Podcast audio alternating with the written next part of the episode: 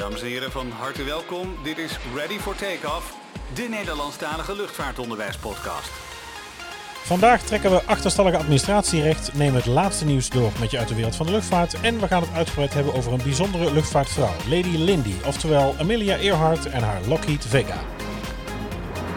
Fasten your seatbelts. Hier zijn Soner en Mark. Hallo, welkom bij weer een nieuwe aflevering van de gezelligste luchtvaartpodcast van Nederland. Ik ben Mark Ik ben Sonner en we vinden het heel fijn dat je weer naar ons luistert. En we gaan zoals iedere week weer beginnen met de opvallendste luchtvaartnieuwtjes van deze week. En ik wilde graag eigenlijk even aftrappen, Soner, en ik wilde jou een vraag stellen. Weet jij wat Robbie Lakmissing, Gerard Lau en Rajesh Rajkumar met elkaar gemeen hebben? Nou, als ik de naam Rajesh hoor, dan moet ik echt aan, eh, aan de Dino Show, aan FC Kip denken. Dus eh, nou, vertel me maar. FC Rajesh ken je toch wel, hè? Kip. Hoe, hoe heb jij meegenomen? Bam! Oh, dan gaan we daar foute grappen maken. Nou, wat ze in ieder geval wel met elkaar gemeen hebben, is dat ze allemaal eh, maar zo'n beetje, laten we zeggen, 1 tot anderhalf jaar directeur zijn geweest van, eh, van SLM. Van SLM. Grappig, hè? Oké, ja. Ja, ja.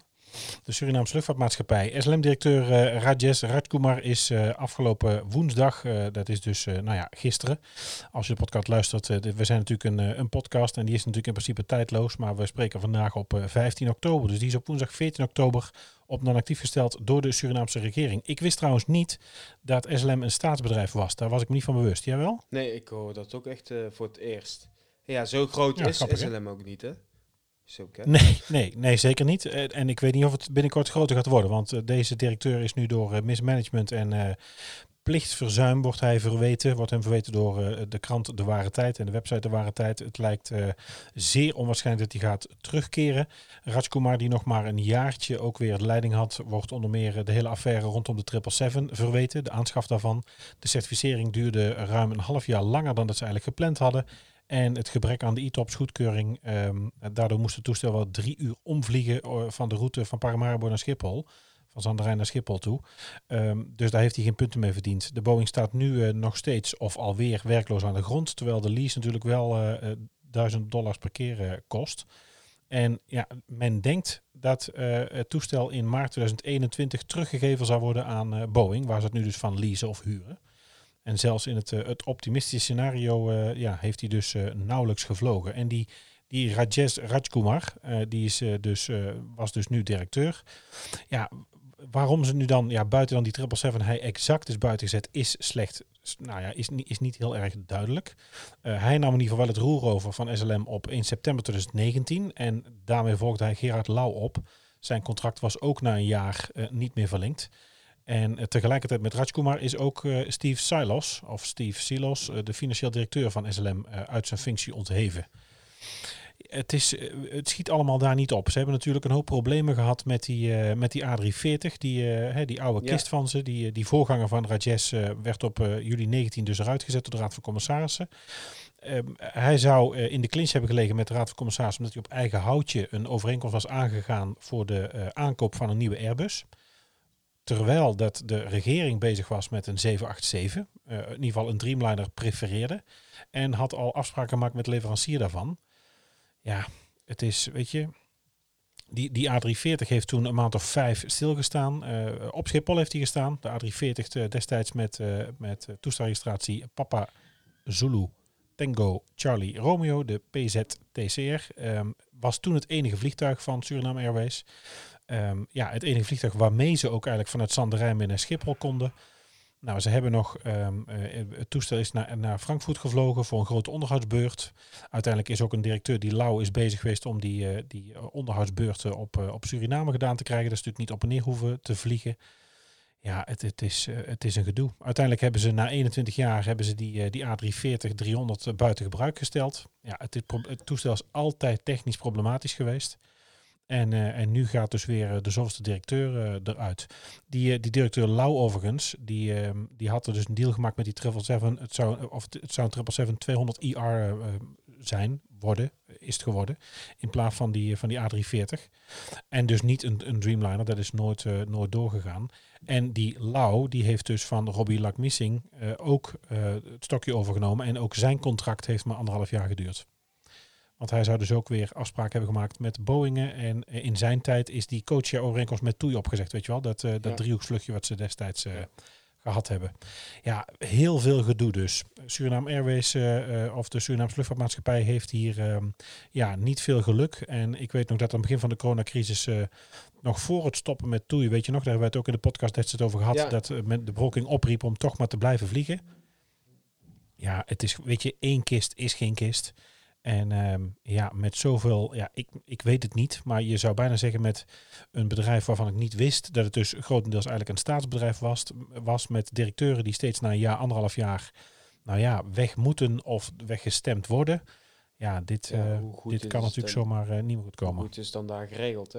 Maar goed, daar, daar, daar, daar staat- af. Ja, daar staan ze ook een beetje bekend om. En ik heb die A340 heel vaak op Schiphol zien staan. Ook toen het nog gewoon goed? Toen hij En nog niet- wel vloog. Precies. Ja, ik wou zeggen, hij heeft, hij natuurlijk echt wel een tijd gestaan. stuk was. Zag je hem dus Ja. altijd eh, daar aan de snelweg staan. Meestal inderdaad als je vanuit, nou ja, laat ik voor mezelf zeggen, als je uit Brabant komt natuurlijk en dan via. Utrecht, eh, Breukelen zo naar Schiphol rijdt. Als je daar door de bocht komt, als je de, Precies, de A4 of zo, de A4 afkomt. En dan staat hij daar op, dat, eh, op lang parkeren, zeg Ja. maar. Klopt inderdaad. Ja, nu we het over de A340 hebben. Heb je wel eens gehoord van Air Belgium? Air Belgium, nee, ik ken eigenlijk alleen maar Brussels Airlines. Ja. En, en daarvoor dus eh, eh, Sabena. Zij zijn dus in eh, 2016 opgericht en in 2018 hebben ze de eerste eh, vlucht uitgevoerd. Volgens mij was dat naar China, zo uit mijn hoofd.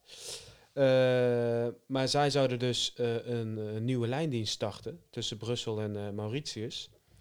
Eh, en ja, dat eh, is dus nu uitgesteld tot maart eh, volgend jaar. Dus ik Ja, vraag daar wat gaat ik natuurlijk nu niemand heen. ja, en wat ik me afvraag, de- deze ma- luchtvaartmaatschappij is ook zo klein. Ze hebben vier toestellen, eh, vier Ja. A340's. En ja, hoe lang gaan ze nog volhouden? Eh, Ja, kisten zijn ook 20 jaar oud. ja, Ja, maar goed, ze hebben in ieder geval vier toestellen. Dus als het ene toestel stuk is, Ja, het is je meer dan één. Inzetten Ja. als die beschikbaar is. Dat is bij... Air Belgium, ik, ik zit in even Ja. te denken, ik heb ook helemaal geen idee hoe dat Ze hebben ook echt de kleuren, de kleuren van de Belgische vlag. En ik heb de bemanning wel eens in een hotel gezien, waar ik toen ook zat. Eh, ja, ze hebben ook best leuke, leuke pakjes. Maar wat, wat me echt opviel, is dat, dat de mannen ook sjaaltjes hadden. Sjaaltjes? Sjaaltjes, ja. ik, ik, ik, Oh. ik schrok ervan toen ik het zag. Ik dacht van, Nee, ik heb hier een foto. Hebben ze gewoon een. eh, oh, hebben ze met rood. Ja, dat maakt. het- Ja, weet je, Ja. buiten Martinair maakt het al heel snel ordinair. En dus hebben hier een grijs pak aan met een rood-blauw Ja, gestreepte stropdas. En eh, de cabine is ehm, eigenlijk vrijwel helemaal grijs met eh, rode headrest covers, rode gordijntjes. En dan staan de rode letters AB op, het, Ja, op de bulkhead klopt, in het vliegtuig op de muur.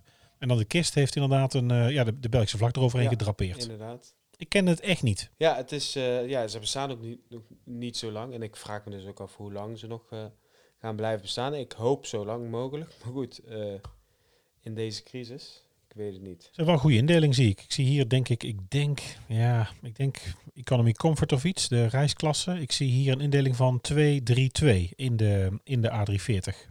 Nou, dan zit je wel Dan ruim, zit je hoor. ruim. Ja, absoluut. En ze hebben goed. ook nog een business class. Ja, dat zie ik ook hier. Ja. Dan hebben ze die, diezelfde stoelen die wij ook bij ons in de mock-up hebben staan. Ja, precies. Vergelijkbaar. Dat dus eh, over Air Belgium. En de, Ja, nou je zei Air Belgium. We waren van de week nog aan het appen. Ik, kwam, ehm, ik ben een beetje bezig met een voorbereiding ook om te maken om het over eh, de Concorde te gaan hebben. En eh, zelfs Sabena heeft eh, destijds ehm, een, eh, laten we zeggen, eh, eh, ja, ge- gechanst met, eh, met de fabriek om ook eh, Concordes te bestellen. Wist jij dat? daar heb ik dus, eh, toen jij mij... Voordat we het erover Ja. hadden. Nee, toen wist ik het dus nog Niet? Nee, had ik Nee. echt niet van Sabena verwacht. Maar Nee, wel niet. grappig dat zij, eh, dat zij dat ook Ja. eh, wilde doen. Komen we nog op terug. Andere aflevering. Concorde. hey, goed idee. We hebben we nog niet behandeld, hè? Ja, leuk. Eh, de Koninklijke Marseille heeft dus gisteren, woensdag 14 oktober precies gezegd, een 20-jarige man op Schiphol Plaza aangehouden. Had dus blijkbaar een groot mes bij zich. Ja. Hij, hij gedroeg zich ook verdacht. En toen de Marseille hem dus fouilleerde, met het mes in zijn jas. Zo, vind, zo vinden ze, hè. dat is een dikke tip. Hè. De Marseille doet Ja. aan, eh, aan profiling. Die eh, schatten in en die kijken hoe jij op hen reageert. En die kijken hoe jij je gedraagt. En als dat opvallend is of afwijkend dan gebruikelijk, dan eh, krijg je even een paar vragen. Ja, en hij gaf dus aan dat hij een onderdeel is van, van een, of, van een drill rap groep. Afkomstig uit? Amsterdam. Ja, geen idee. Wat Ook gewoon van een wat dat denk is? ik. Die dan een beetje drillen. ja, ik geen idee. Of, eh, ik dacht gewoon een, een rapgroep met allemaal grote dikke kerels dat als ze bewegen dat het dan een beetje drilt. Eh, nee, ik heb, ik heb hier de drill rap. Oftewel, drill of drill muziek is Engels drill rap of drill music. Een stijl van rapmuziek begin jaren 2000, 2010 aan de Southside van Chicago ontstaan. De stijl wordt gedefinieerd door donkere, gewelddadige, nihilistische teksten en onheilspellende door Nou, door trap beïnvloedende beats. Drill rap is een donkerder en monotoner dan gewone rap en verheerlijkt geweld. zo, ja, nou, dat past er wel leuk. bij dan. De, de drill scene wordt doorgaans ook gerelateerd aan straatgeweld en bendeoorlogen. Dus vandaar dat deze meneer met een mes op zak liep waarschijnlijk. Ja, Ja, en geen kleintje, het was een centimeter of 30 ja of zo. dat Hè? was een eh, groot mes. Flinke jetser. Ja, dus heb je niet echt- nodig om aan boord eh, een appeltje te snijden. En Wizz Air is dus eh, onder vuur eh, komen te liggen in Noorwegen. De Hongaarse budgetmaatschappij die binnenkort start met binnenlands vluchten in het Noord-Europese land, wordt verweten het personeel te verdienen om zich te organiseren in vakbonden. Zelfs de Noorse premier bemoeit zich ermee. Ja, Noorwegen is wat dat betreft wel echt heel, heel strikt, hè? En, Ja, maar dat is natuurlijk, weet je, wis, eh, wat is de eh, Honga ja, Hongarije, weet je, de, de Hongarije eh, eh, werk- en rusttijdenregeling en eh, de Arbo is natuurlijk niet zo geregeld als dat het hier is. En zoals het natuurlijk in Noorwegen is, dat is natuurlijk wel iets anders. En wat nu eigenlijk de oorzaak is geweest, want eh, de topman van Wizz Air, Jozef eh, Varadi, die heeft dus een uitspraak gedaan dat eh eh Wizz Air een luchtvaartmaatschappij is zonder vakbonden. Nou, dan ben je in Noorwegen aan het eh, verkeerde adres. Ja, maar Ja. ja. waarom, ja, het is natuurlijk gewoon toch personeel klein houden en eh, ja, problemen willen voorkomen. Ja. Nou, ik vraag me af hoe lang ze het dan vol gaan houden daar, zonder vakbond. Ja. Eh, de laatste tien dagen? En dan gaat de, de, ja. de 747 gaat dan echt de KLM eh, verlaten. Ja, ja, ja. ja. Op Ja, 25 we hebben het oktober. al, eh, ja, vorige keer al over gehad hè, dat er eentje naar de Mojave Desert was gevlogen. Ja, en dat is echt op mijn verjaardag ook, hè, 25 oktober. Gaat de allerlaatste vlucht eh, op Schiphol, dus met de 747. Ja. Eh, het is vooral de, eh, het, het is ook het combi eh 747 toestellen. Dat, eh, Ja, ze waren natuurlijk eigenlijk al, laten we zeggen, halverwege de coronacrisis zo'n beetje, zullen we zeggen, hè, hadden ze natuurlijk al bedacht dat ze eruit zouden gaan. Ze hebben natuurlijk die, eh, die types eigenlijk weer van stal getrokken om nog wat vracht eh, te Ja. vliegen op en in naar China ook. eh, voor medische... Mond, mondkapjes en corona halen, denk ik. Nee. Maar dus ze hebben natuurlijk, eh, d- daarom hebben ze natuurlijk weer eventjes terug erin gehad. Volgens mij, ja, april of zo. Hè. Ik denk, nou, begin eigenlijk is dat dan ja, corona in april. Werden toen Ja, drie toestellen daarvoor hadden ze eigenlijk al aangekondigd dat ze mee zouden stoppen. Ja, ja, ja. ja. En dat is dus voor Ja, een medische luchtbrug eh, geweest naar Azië. 25 Ja. oktober. Het is die jij jarig bent, maar ik zou zeggen, moeten we er niet gaan staan aan de baan als dat ding komt landen. Nou, ik moet die dag toevallig ook vliegen. Ah, shit, dan kan het, dan Ja. kan het sowieso niet natuurlijk. Maar in de avond pas. Oh, je moet s'avonds pas vliegen? Ja. Oh, dus jij moet eerst, hoe laat moet jij melden? Oh, dat weet ik zo niet. Echt in de avond Oh, pas. nou, nou, moet eens even kijken. Kort vluchtje. Want iemand even een paar foto's kan maken. En anders maakt iemand anders Ja. vast wel natuurlijk. Ja, dus hij gaat eh, de KLM echt verlaten. Maar goed, eh, ze blijven nog wel met de 747 cargo toestel vliegen. Ook dochtermaatschappij eh Martinair Cargo. Dus Ja, ze gaan dus niet volledig uit de vloot. Maar voor de passagiers, helaas, hij gaat eruit. Ik vind het echt een prachtig toestel. We hebben daar ook een aflevering. Welke je, aflevering je- was het ook weer? Oh god, dan zit je hem weer wat blokken. is ook altijd zo fijn. Eh pff, jeetje, ik zal de gelijk kijken hier. Nee, ik ga even kijken. Heb ik zo gevonden, denk En ik. dan ga ik er niet tussen The. Queen of the Skies. Nou, ik weet wel, weet je, wat ik wel, ehm, eh, het, het gevoel zeg maar van vliegen, de luchtvaart, als je dat mooi vindt. Ja, het is natuurlijk wel een kist die ook mij altijd tot de verbeelding heeft gesproken. Als je dan die, eh, dat hebben we het volgens mij toen ook in die, in die podcast ook behandeld. ehm, ehm, eh, die bult, hè, dat, dat, dat, dat verlengde stuk, die, eh, ja, dat, en dat, die reclameposters hier in Nederland samen met die, met die eh, intercities van, ehm, hoe heet het, van de NS. Dat je het op een poster zag en Ja, ja, ja. eh, Die eerste foto's aan boord en dat je naar mensen in de service die je aan boord kreeg en hoe je daar dan zat, direct achter de cockpit en op een tweede verdieping met een trap naar boven een vliegtuig. Ja, ik vond dat toch wel echt heel prachtig. Eh, ik heb het gevonden. Aflevering 25 is de special rondom eh, de Boeing 747, The Queen of the Skies. Ja. Hebben we een, eh, klein uurtje opgenomen over deze bijzondere kist. Ja. Nou, nu nog een nieuwtje over, eh, over Delta Airlines. Eh, Die hebben er geen, hè? die hebben er geen inderdaad. Maar zij gaan ook nog Nee. heel veel oude toestellen waar ze nu nog mee vliegen. eh, die gaan Ja, dus vervroegd Met heel veel oud personeel erop. Heel, heel veel. Soms denk je, oh, dat mag ik eigenlijk niet zeggen trouwens. Maar, Ja, dat mag je wel zeggen. Nou, dat, dan zal ik het zeggen. Een vliegend bejaarde thuis is. Jeetje, Mina. Ik heb wel eens een stewardess, nou ja, gehad klinkt een beetje overdreven, maar ehm, eh, in, aan boord gehad. En die hebben dus, eh, Delta heeft dat, eh, heeft dat en ehm, eh, hoe heet het? United heeft dat ook. Die hebben zo'n een, een wing met dan in het midden het icoontje van de maatschappij. En daar rondomheen staan briljantjes of diamantjes voor iedere tien jaar of voor ieder jaar, iedere vijf jaar dat ze werken. Ja, ik heb wel eens een vrouw gezien die had dat rondje helemaal vol. Ja. Maar goed, dat was ook wel een ander gezicht te zien. Ja. Dat was echt een oude Nou, vliegkip. soms denk ik, oh, Goeiedag zeg. u had mijn oma kunnen zijn, denk ik. Als ik, Ja, het is natuurlijk, weet je, de arbeidsvoorzieningen en de pensioenen zijn natuurlijk in Amerika niet wat het hier is. Dus ja, weet je, als je in Amerika niet werkt, heb je geen geld. Dus daar zul je gewoon eh, tot op latere leeftijd. En als je dan toevallig stewardess was, ja, dan zul je dat tot op latere leeftijd eh, vol moeten houden. Anderzijds vind ik ook, heeft het iets moois. Als je het mooi vindt en je kunt het lang volhouden, ja, by Ja, all means, maar het zegt ook iets over de luchtvaartmaatschappij, hè, dat ze zo oud kunnen worden daar. Wordt ook goed voor Dat je goed bent voor je personeel ja. wellicht. Ja, ja la- nou, laten we daarvan uitgaan. Ja, precies. Nou, eh, er gaan dus in totaal 383 eh, toestellen dus vervroegd met pensioen. Er staat een, eh, Oh, dus vliegtuigen gooien ze wel uit. ja, die gaan er wel uit. Personeel niet. In ik pak even de lijst van, van 2020 erbij. In juni gaan er dus 26 MD-90's weg. Dat zijn echt he- MD-90. hele oude jeetje. toestellen. Ja, dat is echt Ja. heel oud. Eh 7 767's. Eh, Ook oud, vliegt hier ook niet meer. Precies. 10 A320's. eh 47 MD88. eh, Ook heel oud toestel. Ook oud. Ik weet nog Ja, toen ik voor het eerst in eh, Atl- Atlanta kwam. En ik zag die toestellen daar. Ik dacht, wow, wordt daar nog steeds mee gevlogen? Wel heel gaaf om te zien, hè? Zo'n zo'n klassiek toestel. Ja, de- volgens mij deed daar vooral regional mee, hè? Je kunt Ja, daar zo ja, binnen. Amerika, binnenlandse vluchten. Er gaan 10 737-700's uit. Dat is in september 20. Eh, In december 2018 777's. Volgens mij zijn eh, dat allemaal 200, dacht ik, keer gelezen te hebben. Dat zal ook wel Ja. oud- de oudste, De denk oudste inderdaad. Ehm 125 CRJ 200's. eh, dat in december 23. Ik. 100 Is dat eh Kenneth Airjet, zo'n regional? Ja, zo'n eh, regional die, eh, inderdaad. kleintje. Wat zij ook voor binnenlandse vluchten Heb gebruiken. ik ook wel eens in gezeten. Zo'n binnenlandse vlucht van, ehm, jeetje, Atlanta naar, naar Savannah. Weet je wel, helemaal zo gebogen, shock en klem, met je gebukt.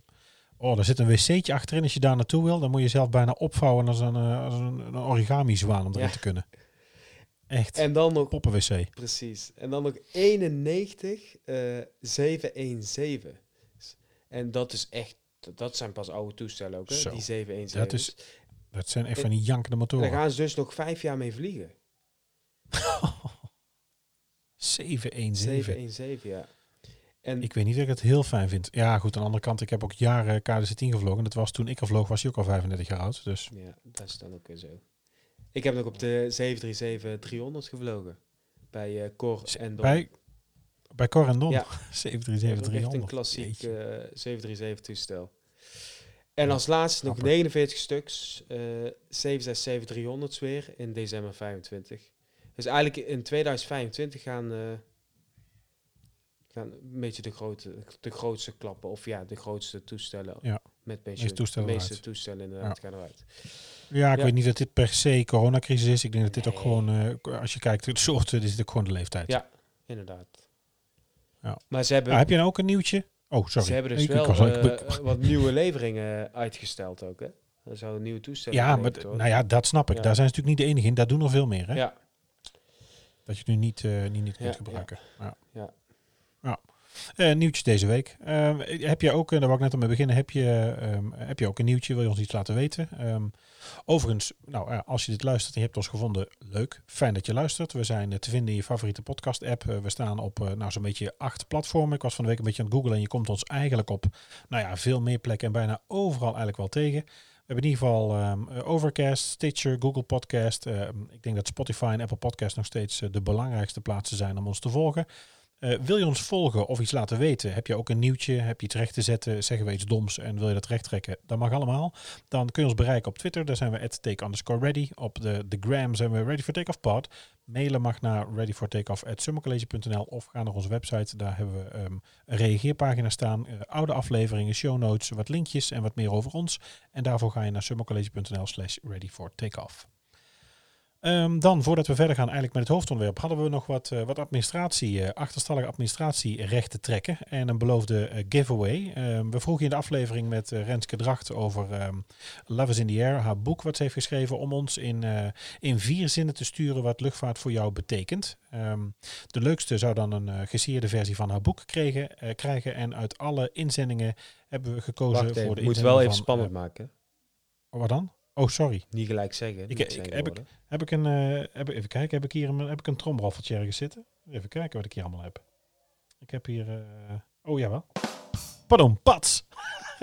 Ja, van zien En we- de- Gaan we ook mensen noemen die niet hebben gewonnen, dan kunnen we dit doen. Nee, nee dat, is, dat, is niet zo, dat is niet zo aardig. Nee, nou inderdaad, je kon ons in vier zinnen laten weten eh, wat luchtvaart voor jou betekent. Nou, uit de leukste inzendingen hebben we twee inzendingen gekozen. Die gaan we zo ook met je delen. En eh, dat zijn, dat zijn, dat zijn eh, Bianca en Juliette. Woe! yay! Hey. Bianca Juliette, gefeliciteerd. Ehm, Juliette eh, stuurde, en uh, Sonia, jij hebt wat, eh, wat Juliette heeft gestuurd naar ons. Ja, ik citeer. Ik zou het boek graag willen winnen, omdat ik nu natuurlijk niet kan gaan vliegen met stage. Daarom lijkt het mij heel interessant om door middel van het boek toch een kijkje te kunnen nemen in de wereld van het vliegen. En dat gaat je zeker lukken als je het boek gaat lezen. Ja, we hadden ook al vastgesteld in de aflevering eh, die we met Renske hebben opgenomen. En nadat we het hadden gelezen, het is echt luchtvaart. Je, bladzijde 1 is al meteen dat je geroezemoes in de galley hoort achter het gordijntje. Ja, er komt echt luchtvaart in voor. Dus eh, daarvoor, Juliette, kun je het eh, prima gebruiken. Dankjewel voor jouw inzending. De tweede, Bianca. Bianca heeft, was, iets was iets uitgebreider. Die had begrepen dat het in meer dan vier zinnen moest. Dus ik heb van Bianca iets meer voor te lezen. Ik zal niet alles meenemen, want zij heeft ons ook nog prachtige ja, we hebben het in die uitzending ook over gehad, nog prachtige luchtvaartcitaten gestuurd. En die zal ik, nou ja, niet hier delen, die houden een beetje voor onszelf, dat vinden we leuk. Maar wat zijn in ieder geval ehm, eh, haar meer dan vier regels over waarom eh, luchtvaart eh, het verbindt en wat haar met luchtvaart verbindt. Ehm, en ze stuurde ons het volgende. Wat mij met luchtvaart verbindt gaat dieper dan gewoon vliegen. Het gaat over mijn veel sneller hartslag toen ik een, als een klein meisje was. En in mijn hoofd naar de hemel draaide om te proberen te begrijpen wat dat kleine dingetje was en die witte lijnen achterliet. Het gaat ook over mijn veel snellere hartslag als ik nu mijn hoofd naar de hemel draai, elke keer als ik een vliegtuig zie of hoor. Vol ontzag en blijheid dat ik daar boven ben geweest en dat ik daar altijd terug zal komen. Luchtvaart en vliegen was en is mijn droom. Mijn droomleven, mijn droomcarrière. De belangrijkste beslissing heb ik genomen met dit en alleen dit als doel dat ik ooit de luchtvaart in zou mogen. Wow. Nou, het is, ik vond het bijna gedicht. Ja, prachtig eh, geschreven. Ja, en het, het, weet je, het gaf ook wel mooi het gevoel weer van dat vliegen. Inderdaad, toch wel altijd omhoog kijken, altijd die witte lijnen zien, altijd denken waar gaan ze heen, altijd je afvragen waar komen ze vandaan. En dat is natuurlijk precies wat, uh, wat luchtvaart uh, voor ons is. Nou, dames, nogmaals gefeliciteerd. En stuur ons eventjes via de DM's, waar je ons ook de regeltjes hebt gestuurd, nog even je adresgegevens. En dan zorgen wij dat het, het boek bij je is voordat we volledig in de lockdown gaan. Dan heb je nog wat te lezen. um, wil ik beginnen met een fragment, uh, Soner? Begin maar. Eigenlijk, als het kan. Voordat we in ons hoofdonderwerp gaan duiken. Want ik had natuurlijk beloofd dat we, dat we het uh, uh, over Lady Lindy zouden gaan hebben. Uh, Amelia Earhart. En ik heb een mooi stukje quote gevonden met wat, wat muziek van de Smithsonian uit, uit Washington, waar we ook zijn geweest. Komt-ie. The great inspiration with Amelia was her courage in facing a lot of, of difficulties. Uh, for a woman in aviation at that time period, there were not a lot of opportunities. She could bring aviation to the general public, make them feel as though they were a part of it. They could feel the excitement. If she came to a town, they could join in and listen to her stories and begin to understand what aviation was all about. She became a role model for many people, and it makes her an enduring figure both in history and in aviation as a result. Ja, een mevrouw die uh, het gevoel rondom Amelia Earhart uh, nou ja, beschrijft. Amelia Earhart werd geboren op 24 juli 1897 in uh, Atchison.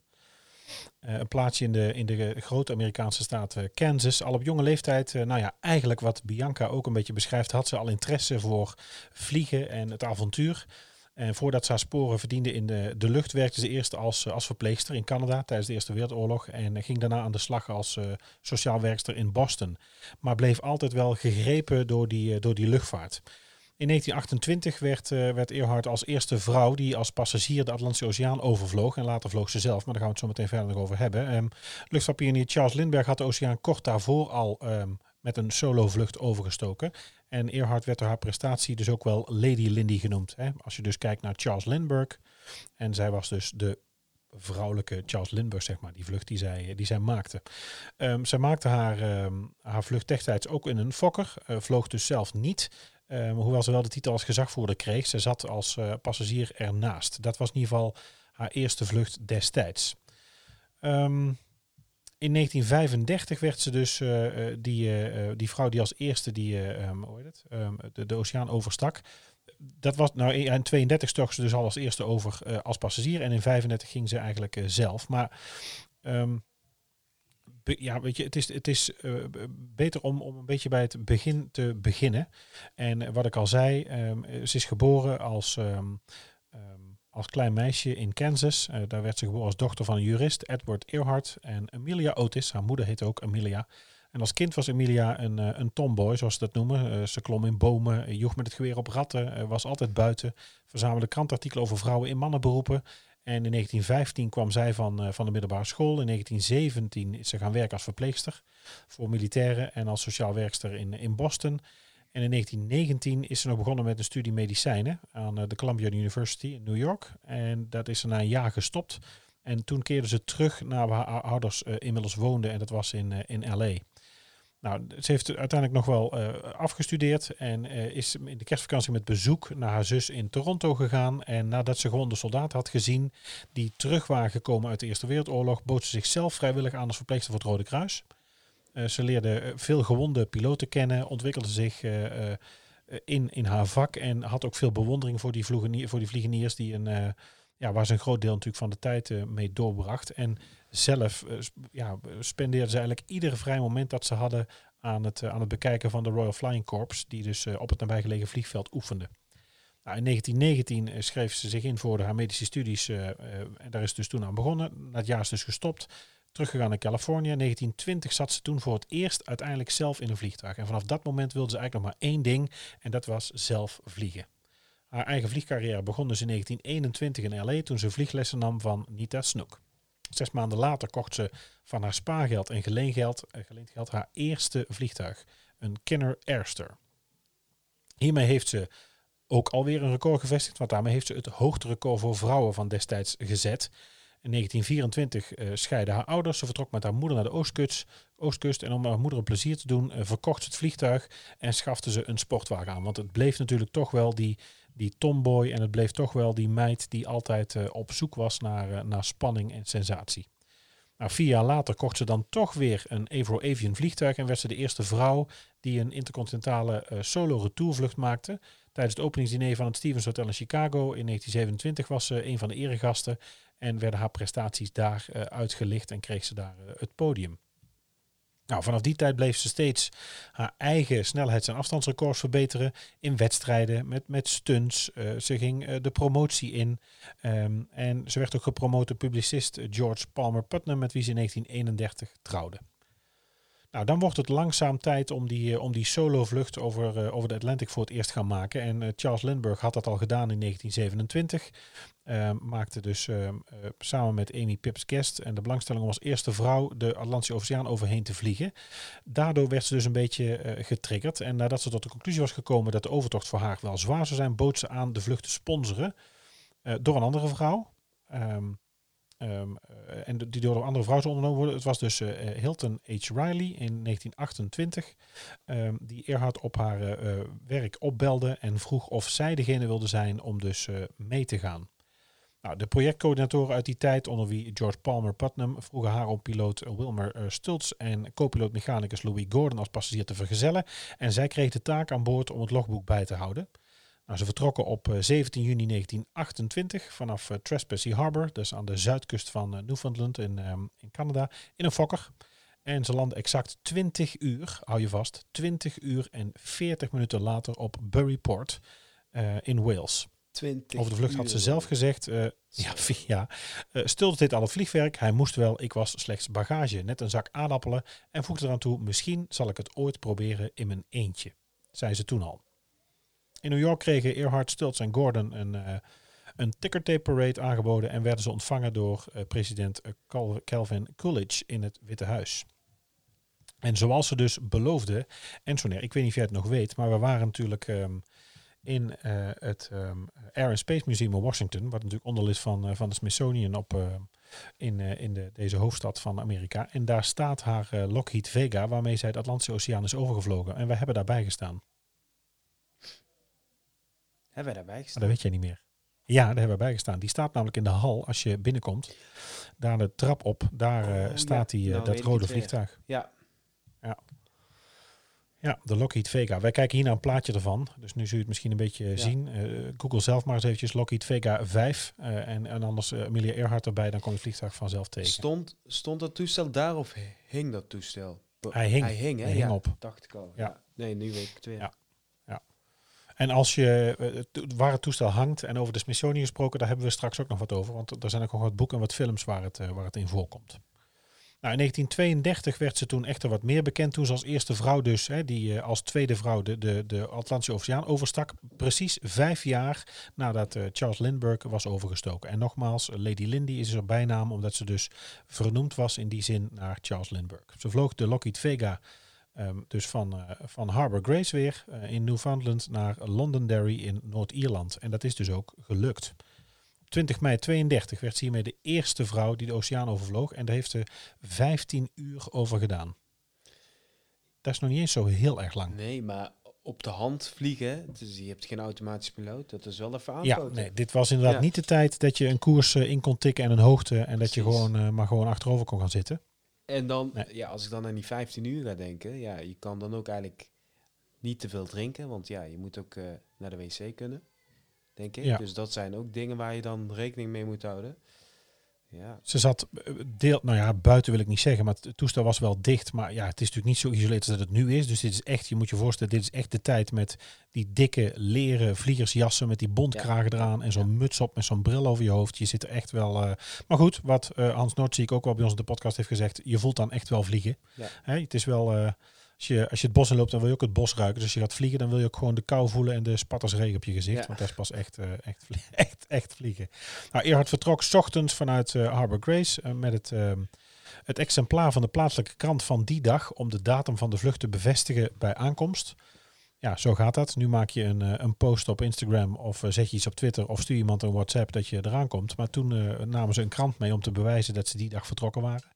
Nou, eigenlijk meteen, nou vrij kort na vertrek, kwam ze gelijk wel in moeilijkheden. Ze had uh, dikke wolken, uh, veel vocht in, uh, in de lucht. Het was er heel koud en ze had gelijk ijs op de vleugels. En na twaalf uur werd het dus, werden de omstandigheden echt slechter en begon het vliegtuig ook mechanische problemen te krijgen. Ze had, wat eigenlijk de bedoeling was, wisten dat ze Parijs niet zou gaan halen, want dat was eigenlijk de originele planning. Ze zou eigenlijk naar Parijs vliegen, want dat had Charles Lindbergh ook gedaan. Dus ging ze op zoek naar een andere plek om te landen en dat werd dus het weiland net buiten het dorpje Culmore in uh, Londonderry, Noord-Ierland. En daar is ze met, uiteindelijk met succes geland in dus in totaal 15 uur en 8 minuten. Nou, dat heeft haar veel roem opgeleverd. Ze heeft van de Amerikaanse overheid en de Amerikaanse president heeft ze de Distinguished Flying Cross gekregen. Uh, ja, weet je, het, het, is in, kort daarna, in mei 32, is ze verschenen op uh, Hanworth Airfield, waar ze nou echt werd ontvangen door de bevolking en uh, warm werd ontvangen als een internationale held. Nou, ze heeft hierna nog vele onderscheidingen gekregen. Um, ze heeft de medaille van de National Geographic Society gekregen van Herbert Hoover. Misschien ook wel uh, voor degene die luistert weet, de Hoover Dam, vlakbij uh, Las Vegas. De Distinguished Flying Cross, wat ik al zei, van het Amerikaans Congres. Het kruis van het ridder van het legioen van de eer van de Franse regering. Ja, het is natuurlijk een bijzondere vrouw. En als je inderdaad, wat Soner zegt, 15 uur op de hand vliegt, ja, dat houdt natuurlijk wel iets in. Hè? Dat is echt wel, wel apart.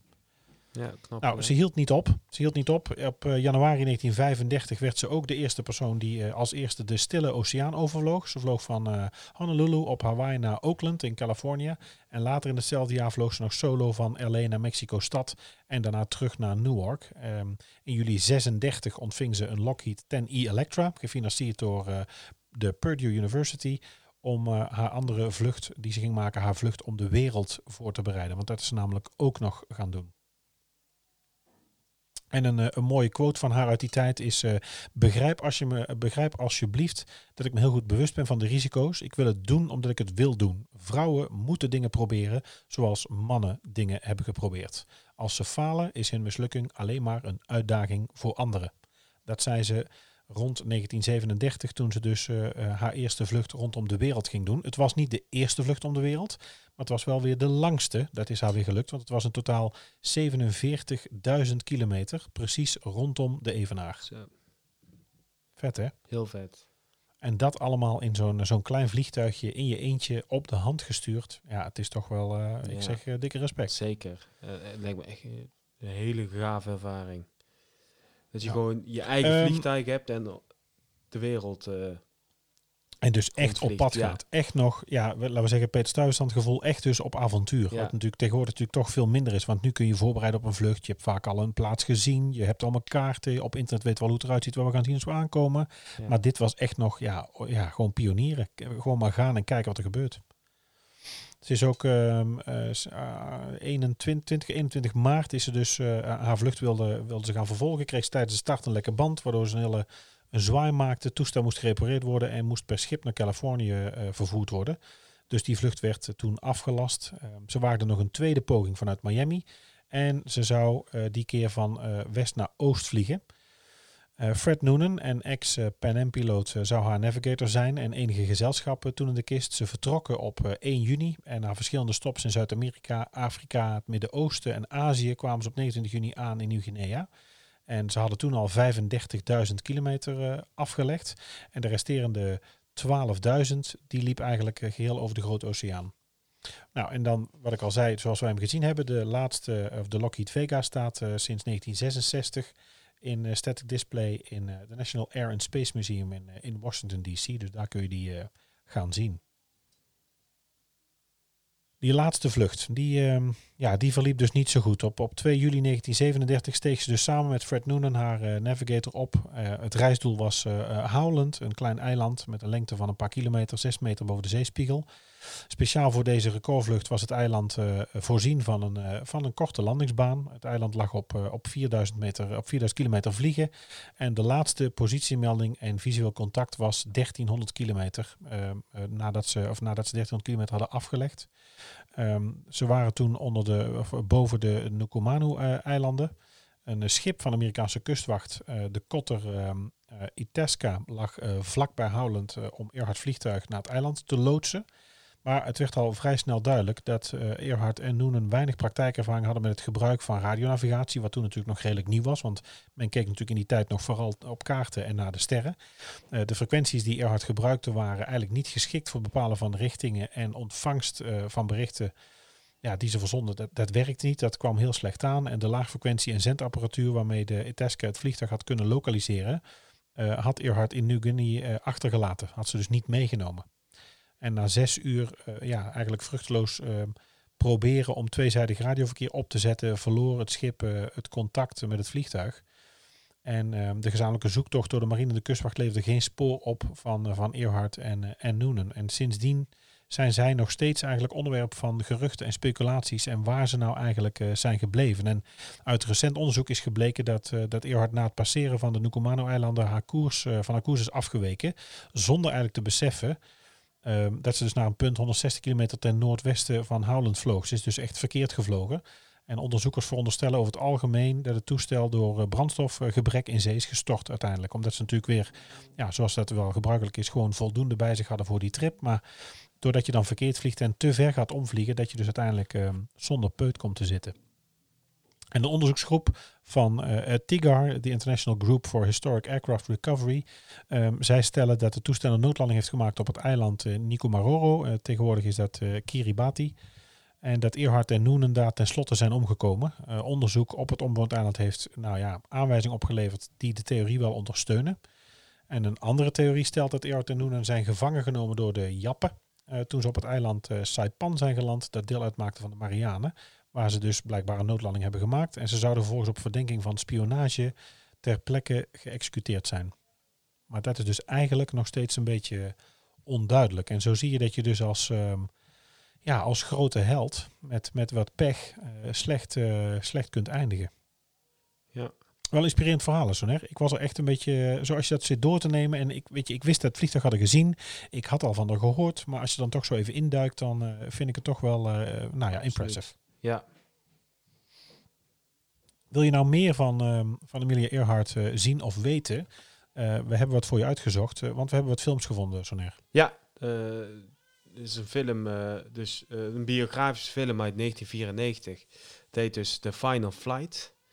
Amelia Earhart wordt door haar publiciteitszoekende man gedwongen om een moeilijke vlucht rond de wereld te maken. Samen met de ja. alcoholistische navigator Fred Noonan. En weet je wie ja. uh, Fred Noonan heeft gespeeld? Nee. Een Nederlandse uh, acteur. Ah, de Rutger Hauer moet dat zijn. Ja, Rutger Hauer inderdaad. Ja, leuk. En Diane, was hier Diane Keaton niet Amelia Earhart? Uh, ja, klopt. Dat was ja. Amelia Earhart inderdaad. Ja. Grappig. En wat ook... Amelia Earhart, The Final Flight. Precies. Wat ook grappig uh, is om te melden dat uh, Amelia ook in uh, Night at the Museum heeft gespeeld. Ja, ja, nou, daar, weet je, dat is dus, dat is, nou ja, dat is echt heel plat. Mijn eerste aanraking, in aanraking koming eigenlijk met, met Amelia Earhart. Daar kwam ik zo voor het eerst dat ik dacht, even rekte. Je had er wel eens over gehoord, maar daar zie je ze natuurlijk dan, ja, gespeeld lopen. Ja. Ja. En ja, het heet dus Night at the Museum, Battle of the Smithsonian. Oftewel, ja. Night at the mu Museum 2, zo noemen ze hem ook wel. Uh, is dus de film vervolg op uh, Night at Museum 1. Uh, Hoofdrol wordt onder andere vertolkt door Ben Stiller en Amy ja, Adams. Ja. Die speelt dus ja, als Amy Amelia Adams. Earhart. Geen echte geschiedenisfilm, maar ze komt er wel in voor.